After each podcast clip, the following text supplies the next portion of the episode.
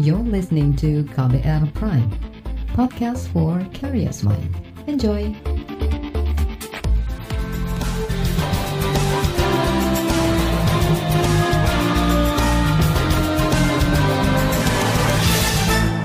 Anda mendengarkan KBR sore hari ini edisi 23 Juli 2021 saya Reski Mesanto. Sore ini saya mau ajak Anda untuk membahas tentang pemerintah yang memutuskan memberikan bantuan subsidi upah atau BSU kepada pekerja dengan gaji kurang dari 3,5 juta rupiah per bulan.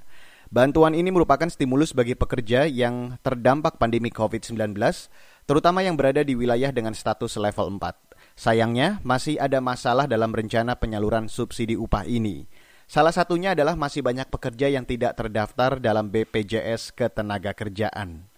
Lantas bagaimana solusi dari pemerintah agar bantuan bisa merata? Kita bahas selengkapnya sore hari ini di KBR Sore. Saudara, Kementerian Ketenagakerjaan berencana memberikan bantuan subsidi upah kepada pekerja yang gajinya kurang dari 3,5 juta rupiah per bulan atau pekerja yang gajinya kurang dari UMK jika UMK lebih dari 3,5 juta rupiah. Ada sekitar 8 juta orang buruh di sektor non-kritikal yang rencananya mendapat bantuan sebesar 1 juta rupiah.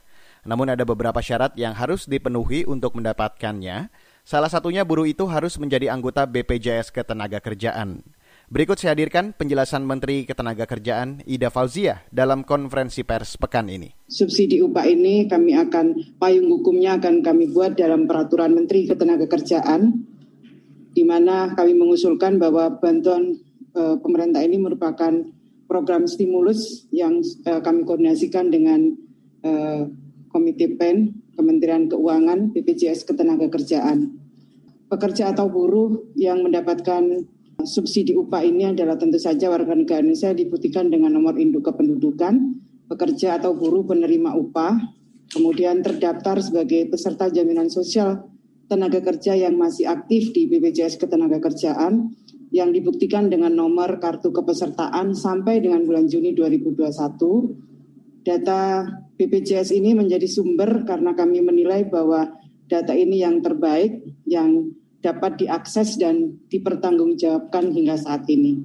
E, peserta yang membayar iuran dengan besaran iuran yang dihitung berdasarkan upah di bawah tiga setengah juta sesuai dengan upah terakhir yang dilaporkan pemberi kerja kepada BPJS Ketenagakerjaan. Dalam hal pekerja eh, bekerja di wilayah PPKM yang UMK-nya di atas tiga setengah juta, maka menggunakan UMK sebagai batas kriteria upah dan eh, memiliki rekening bank yang aktif dan kami mengusulkan hanya diberikan kepada pekerja yang berada di level 4 sesuai dengan instruksi Mendagri. Bantuan subsidi upah itu dimaksudkan untuk meringankan beban para pekerja yang terdampak pandemi COVID-19, khususnya di daerah yang menerapkan pembatasan kegiatan masyarakat atau PPKM darurat. Untuk bantuan para buruh itu, Menteri Keuangan Sri Mulyani menyiapkan anggaran 10 triliun rupiah. Program uh, Kartu Prakerja dan bantuan subsidi upah yang tadi Ibu Menakar sudah menjelaskan. Saat ini ada anggaran 20 triliun untuk 5,6 juta peserta. Kami tadi sudah membahas dengan Ibu Menaker akan ada dari 10 triliun anggaran yang kita tambahkan untuk pekerja ini akan ditujukan bagi 8,8 juta pekerja yang tadi bekerja di sektor non kritikal di daerah yang level 4 dengan pendapatan upahnya tiga setengah juta maksimum dan sudah menjadi anggota BPJS Tenaga Kerja. Sehingga kami akan memberikan 8,8 triliun rupiah bagi tadi bantuan subsidi upah untuk 8,8 juta pekerja non esensial masing-masing sebesar 500 ribu untuk dua bulan dibayarkan sekaligus menjadi satu juta uh, sekaligus bayar uh, dengan kriteria yang sudah dijelaskan oleh Ibu Menaker. Nah, si Menteri Keuangan Sri Mulyani mengatakan, pemerintah tidak hanya akan menyalurkan bantuan subsidi upah, tapi juga untuk memperbanyak penerima manfaat program Kartu Prakerja, terutama ditujukan pada pekerja yang kena PHK akibat pandemi. Sisa anggaran 10 triliun yang kita alokasikan untuk pekerja akan dipakai untuk tambahan kartu prakerja Jadi kartu prakerja akan menambah dari 20 triliun menjadi 21,2 triliun. Uh, sehingga jumlah mereka yang mendapatkan uh, kartu prakerja akan bisa meningkat. Namun mayoritas tambahan ini adalah untuk para pekerja yang upahnya tadi tiga setengah juta dengan catatan perusahaan tidak boleh melakukan PHK. Jadi eh, program untuk para pekerja ini tambahan 10 triliun adalah untuk mencegah tidak terjadi tidak terjadinya PHK. Perusahaan mendaftarkan atau tadi pekerjanya sudah ada di dalam daftar BPJS dan tidak di PHK, namun pekerja ini memang menghadapi kondisi tekanan karena mereka adalah non critical sementara ada di level 4 dari PPKM sehingga kemungkinan mereka jam kerjanya menurun atau bahkan dirumahkan namun tidak di PHK sehingga ini yang menjadi target dari bantuan subsidi upah pekerja yang tidak di PHK-kan dan pekerjanya mengalami uh, penurunan uh, dari penerimaan karena mereka adalah sektor non-kritikal. Saudara, itu tadi Menteri Keuangan Sri Mulyani. Selanjutnya di KBR sore akan kami hadirkan laporan khas KBR yang akan membahas mengenai turunnya tes COVID-19 dan upaya pemerintah mengatasinya. Tetaplah di KBR sore. You're listening to KBR Pride, podcast for curious mind. Enjoy!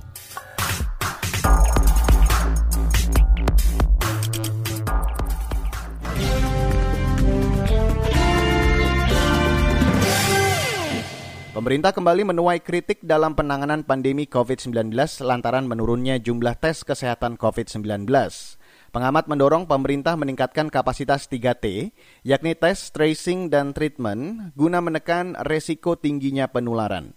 Bagaimana langkah pemerintah untuk meningkatkan kapasitas tes? Berikut saya hadirkan laporan khas KBR yang disusun oleh Siti Sadida. Berdasarkan data pemerintah dan lembaga kawal COVID-19 yang dirangkum berupa data, jumlah tes COVID-19 mengalami penurunan. Penurunan setidaknya terlihat sejak 17 Juli 2021. Pada hari itu dilakukan tes PCR dan antigen terhadap 180 ribuan orang. Berselang empat hari kemudian jumlah itu menurun hingga 116 ribuan orang.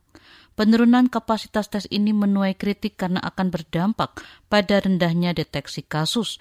Itu setidaknya terlihat dari laporan kasus harian yang menurun hingga 33 ribuan pada 21 Juli dari 50 ribuan di pekan sebelumnya. Merespon itu juru bicara Satuan Tugas Penanganan COVID-19 Wiku Adhisa Smito berdalih jumlah tes COVID-19 menurun disebabkan beberapa hal seperti adanya hari libur nasional terdapat beberapa kemungkinan yang menyebabkan menurunnya jumlah spesimen yang diperiksa, seperti penurunan uh, testing di akhir pekan, ataupun delay input yang berasal dari laboratorium ke dalam sistem data. Ke depannya, pemerintah berkomitmen meningkatkan kapasitas upaya 3T secara keseluruhan dengan berkoordinasi serta memfasilitasi pemerintah daerah untuk mencapai targetnya masing-masing sesuai yang telah ditetapkan dalam instruksi Mendagri. Sementara itu, Koordinator Pemberlakuan Pembatasan Kegiatan Masyarakat PPKM Darurat Jawa Bali Luhut Binsar Panjaitan mengakui masih lemahnya upaya tes dan pelacakan di Indonesia. Kemarin dia menyebut Presiden Joko Widodo telah memerintahkan untuk meningkatkan tes dan pelacakan di sejumlah daerah di Pulau Jawa. Sasarannya yakni wilayah pemukiman padat penduduk atas perintah Presiden akan melakukan peningkatan testing tracing dan banyak pusat-pusat isolasi utamanya di daerah padat penduduk. Lima ini kami akan finalkan itu bagaimana kita akan langsung trace testing dan tracing di perumahan-perumahan padat penduduk di aglomerasi seperti Jabodabek, Bandung, Surabaya, Solo Raya, Semarang, Malang Raya, seperti itu. Ada delapan, tujuh atau delapan tadi itu.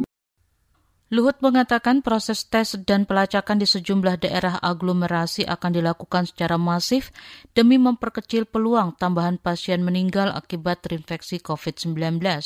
Luhut menambahkan masyarakat yang positif COVID-19 akan langsung ditangani melalui proses perawatan dan pemantauan oleh tenaga kesehatan. Selanjutnya akan dikarantina di tempat isolasi pemerintah. Peningkatan 3T memang perlu dilakukan terutama saat PPKM darurat.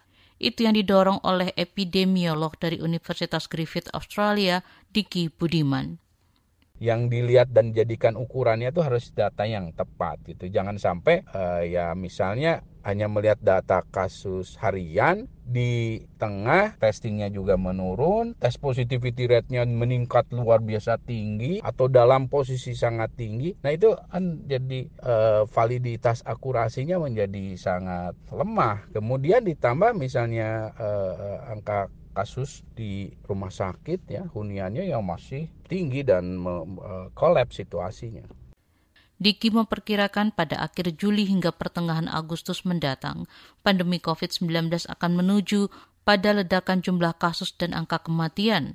Dengan penguatan 3T ini, dia berharap pemerintah dapat menekan risiko tingginya laju penularan. Di tempat lain, Ikatan Ahli Kesehatan Masyarakat Indonesia IAKMI mencermati sudah banyak masyarakat yang berkonsolidasi meningkatkan tes dan pelacakan untuk membantu pemerintah. Meski begitu, menurut Dewan Pakar IAKMI Hermawan Saputra, pemerintah tetap harus membuktikan komitmennya dalam menangani COVID-19, misalnya dengan melakukan lebih banyak tes massal. Anggaplah pada sudut-sudut keramaian publik ada random testing tuh dilakukan oleh Pak Wali, itu akan membuat mereka otomatis uh, tanda kutip mereka akan segan keluar rumah tuh. Masyarakat kita tuh tipikal yang takut diperiksa. Kalau misalnya mereka tahu di situ ada posko random testing yang begitu mereka ketahuan positif, maka mereka akan dipisahkan dari keluarga. Nah ini eh, cara-cara komunikasi yang real yang sebenarnya itu juga bagian dari fungsi testing, tracing, dan treatment. Kata dia, tes massal akan memberi dampak psikologis ke masyarakat supaya lebih sadar protokol kesehatan. Laporan khas KBR ini disusun Siti Sadida. Saya Fitri Anggreni. Baiklah saudara kita break dulu dan nanti setelah break akan saya hadirkan informasi mengenai lembaga pemantau BPJS menilai pemerintah belum sepenuhnya siap untuk menyalurkan program penyaluran bantuan subsidi upah bagi pekerja. Apa alasannya? Informasi selengkapnya sesaat lagi. Tetaplah di KBR Sore. You're listening to KBR Pride, podcast for curious mind. Enjoy!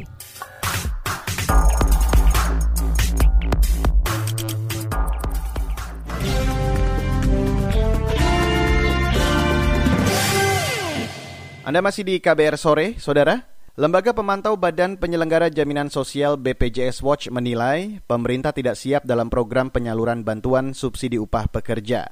BPJS Watch menyebut pemerintah tidak belajar pada BSU terdahulu yang tidak tepat sasaran. Lalu apa yang harus dilakukan pemerintah agar bantuan tepat sasaran? Berikut saya hadirkan wawancara jurnalis KBR Heru Haitami bersama Koordinator Bidang Advokasi BPJS Watch Timbul Siregar. Bantuan subsidi upah atau BSU kembali diberikan oleh pemerintah. Apa saja yang masih menjadi catatan? Memang pertama kita katakan BSU ini sangat baik ya. Nah, tetapi memang dalam proses pelaksanaannya itu kan persoalan yang di 2020 lalu. Pertama dari sisi data. Ini persoalan yang tidak selesai-selesai. Penggunaan data BPJS Ketenagakerjaan ini kan memang menjadi persoalan. Mengingat pertama, data BPJS Ketenagakerjaan belum semua pekerja itu didaftarkan ke BPJS Ketenagakerjaan. Jadi artinya dari 40 juta pekerja formal itu kan masih 19,6 per akhir tahun 2020 kemarin ya yang menjadi peserta BPJS Ketenagakerjaan. Yang kedua, bahwa memang tentunya pekerja formal ini kan sebenarnya tidak hanya dia menjadi sasaran gitu loh, harusnya juga pekerja informal formal dan sebagainya. Pekerja formal ini kan yang kalau kita melihat data di BPJS Kerjaan yang menjadi sasaran ini kan adalah data pekerja aktif kan gitu. Pekerja aktif itu kan adalah peserta aktif adalah peserta yang masih bayar iuran. Berikutnya peserta aktif yang bayar iuran kan berarti masih punya upah. Kalau dia masih punya upah masa dikasih bantuan sih? Kan ini persoalan tahun lalu yang banyak diprotes pekerja yang tidak didaftarkan protes. Kedua, pekerja yang di PHK dan sebagainya sehingga tidak dapat upah lagi dan tidak membayar iuran tidak dapat juga. Justru sebenarnya orang-orang ini yang dapat gitu loh, baik di PHK ataupun dirumahkan tanpa upah. Apa Anda melihat bahwa pemerintah ini belum siap untuk program BSU pekerja ini? Ya, Faktanya bahwa banyak masih pekerja formal belum daftar di BPJS Tenaga didaftarkan biasanya. Artinya kalau dia hanya menggunakan data aktif BPJS Tenaga maka yang belum terdaftar tidak akan pernah dapat. Nah, jadi kembali sebagai ajas keadilan, ajas manfaat secara sosiologis maupun ekonomis ya untuk pertumbuhan ekonomi ini harus tepat sasaran. Dan memang tentunya BSU ini harus pemerintah proaktif capek ya iya gitu loh. Kalau yang lalu kan hanya duduk di meja mengotak-ngatik data BPJS Tenaga Kerjaan ya kan? Sekarang begitu juga duduk manis mengotak-ngatik data BPJS dia tidak mau turun ke lapangan sehingga bisa benar-benar tepat sasaran. Dan tadi yang saya bilang ketika dia turun ke lapangan dia kan memperoleh data real primer. Data primer ini kan data yang nanti bisa memperbarui memperbaiki data sisnaker kalau dibilang BPJS Tenaga Kerjaan. Wah daftarnya dari 100 karyawan cuma 70 ketika dia daftar kan dia bilang eh 30 lagi mana kok nggak didaftar? Ya Pak. Nah kan ini juga bisa menjadi pendorong ke depan. Ya 30 itu didaftarkan. Kan ini persoalan bagaimana masih banyak pekerja yang belum didaftarkan ke BPJS Tenaga Kerjaan. Karena apa? Banyak perusahaan yang disebut PDS pekerja. Perusahaan daftar sebagian pekerja. Nah jadi manfaat pengu, apa, pemerintah di Snaker Dinas Tenaga Kerja tingkat satu tingkat dua maupun Kementerian Tenaga Kerja datang ke perusahaan. Itu tidak sekedar hanya mau cari orang yang bisa diberikan tapi juga untuk perbaikan data untuk meningkatkan kepesertaan BPJS Ketenagakerjaan dan BPJS Kesehatan gitu loh. Ya kalau di akhir tahun 2020 kemarin peserta BPJS Ketenagakerjaan itu sekitar 19,6 juta. Artinya dari total pekerja formal swasta ya yang 40 juta masih setengahnya yang belum ikut. Nah ini kan persoalan. Nah belum lagi kita bicara pekerja PBPU atau pekerja informal yang jaga-jaga masih sekitar 2,7 juta dari total pekerja informal mungkin yang 59% dari 128 itu kan 80 jutaan kan begitu. Ini kan persoalan bagaimana juga supaya pemerintah memiliki data sehingga kalaupun 2022 nanti pandemi belum usai, ada lonjakan, ada PPKM lagi, diberikan BSU, dia sudah punya data gitu loh. Seperti apa saran Anda sehingga BSU nantinya bisa merujuk pada data yang penerimanya tepat sasaran? Yang masyarakat miskin gitu ya, kan mereka punya DTKS, data terpadu kesejahteraan sosial. Nah, sebenarnya untuk pekerja harus ada data seperti itu. Seperti yang saya mau katakan begini, pekerja-pekerja yang misalnya jaga toko dan sebagainya, itu tidak didaftarkan atau tidak masuk sebagai peserta di data terpadu kesejahteraan sosial sehingga tidak dapat bantuan sosial ya, sembako, uang 300 ribu, tapi tidak juga dimasukkan sebagai peserta BPJS Tenaga karena belum didaftar. Maka dia di tengah-tengah, di sana nggak dapat, di sini nggak dapat gitu loh. Padahal mereka pekerja yang terdampak gitu. Kan ini persoalan pendataan di sana nggak didaftar, nggak terdaftar di DTKS yang diselenggarakan oleh Kementerian Sosial dan di Sisnaker atau di BPJS Kerjaan tidak terdaftar juga, yang nggak dapat juga. Kan ini bahwa kasihan loh mereka di kelompok yang di tengah yang tidak dapat gitu. Hanya gara-gara pemerintah hanya mengacu pada data BPJS, data BPJS Kerjaan. Bo datanglah ke lapangan, ya undang mereka datanglah mereka iya saya karyawan ini saya peda apa penjaga toko di sini dikontak bener oh iya berikan kan sudah ada cross check gitu loh. Saudara itu tadi perbincangan jurnalis KBR Heru Haitami dengan koordinator bidang advokasi BPJS Watch Timbul Siregar. Dan di bagian akhir nanti akan saya hadirkan informasi mengenai kalangan serikat memberi masukan ke pemerintah supaya penyaluran subsidi upah pekerja bisa tepat sasaran. Apakah saran mereka Nantikan informasi selengkapnya sesaat lagi, tetaplah di KBR Sore. You're listening to KBR Pride, podcast for curious mind. Enjoy!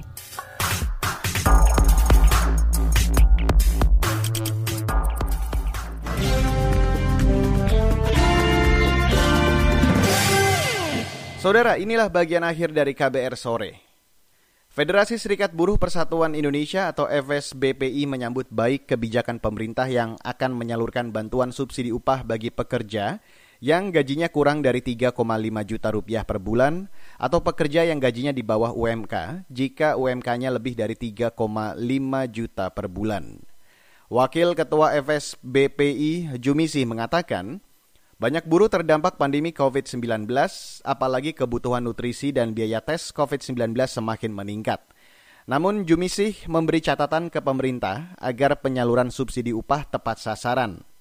Selain bantuan subsidi upah, Jumisi juga mendorong agar pemerintah memperketat pengawasan protokol kesehatan COVID-19 seiring meningkatnya jumlah klaster COVID-19 di lingkungan pabrik. Berikut saya hadirkan wawancara jurnalis KBR Mutia Kusuma Wardani bersama Wakil Ketua FS BPI, Jumisi.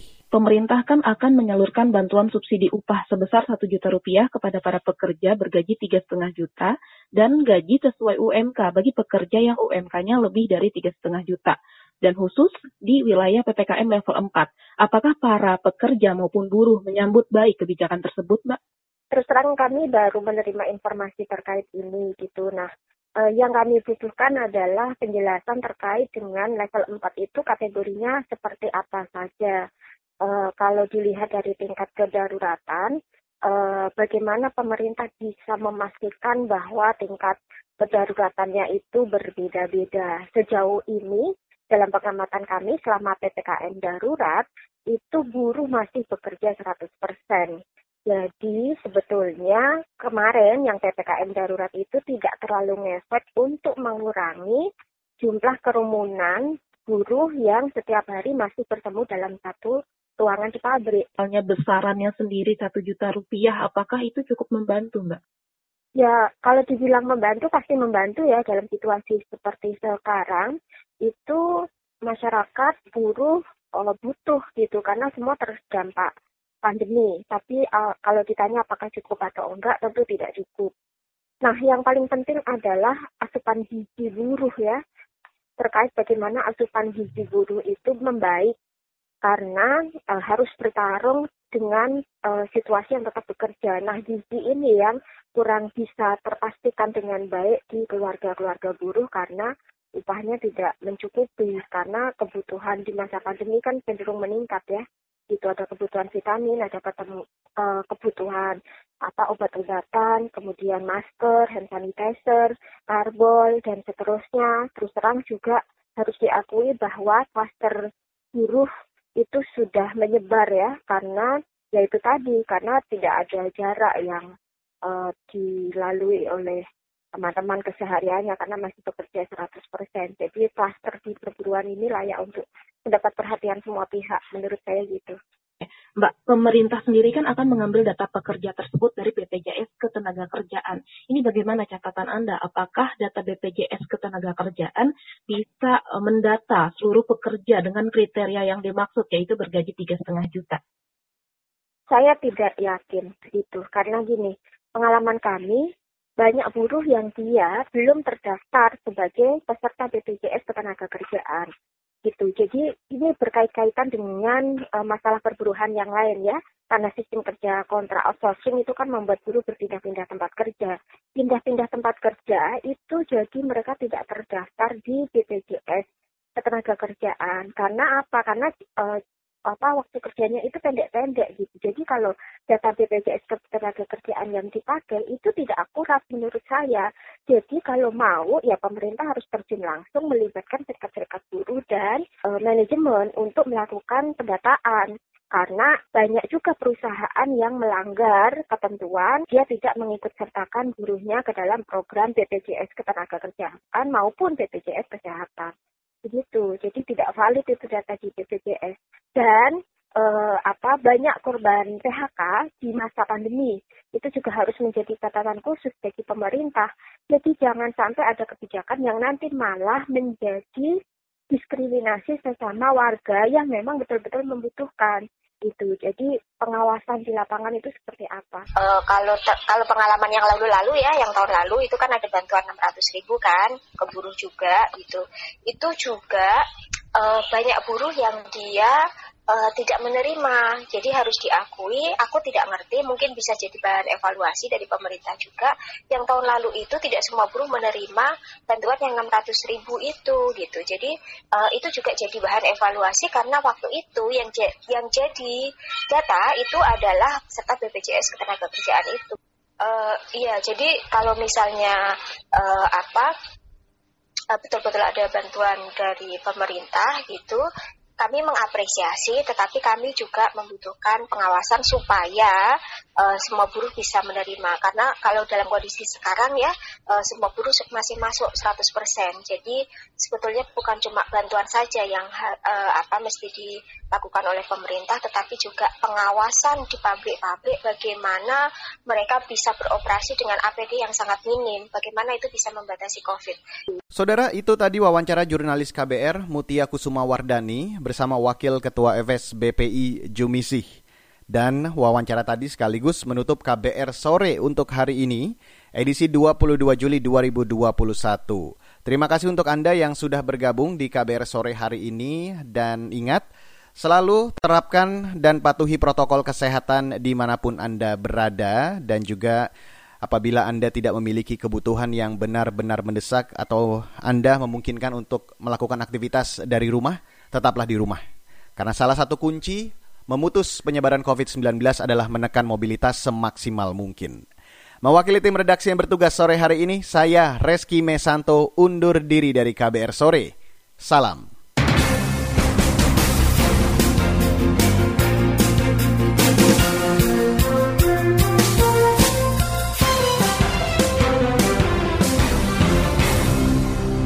KBR Prime, cara asik mendengar berita. KBR Prime, podcast for curious mind.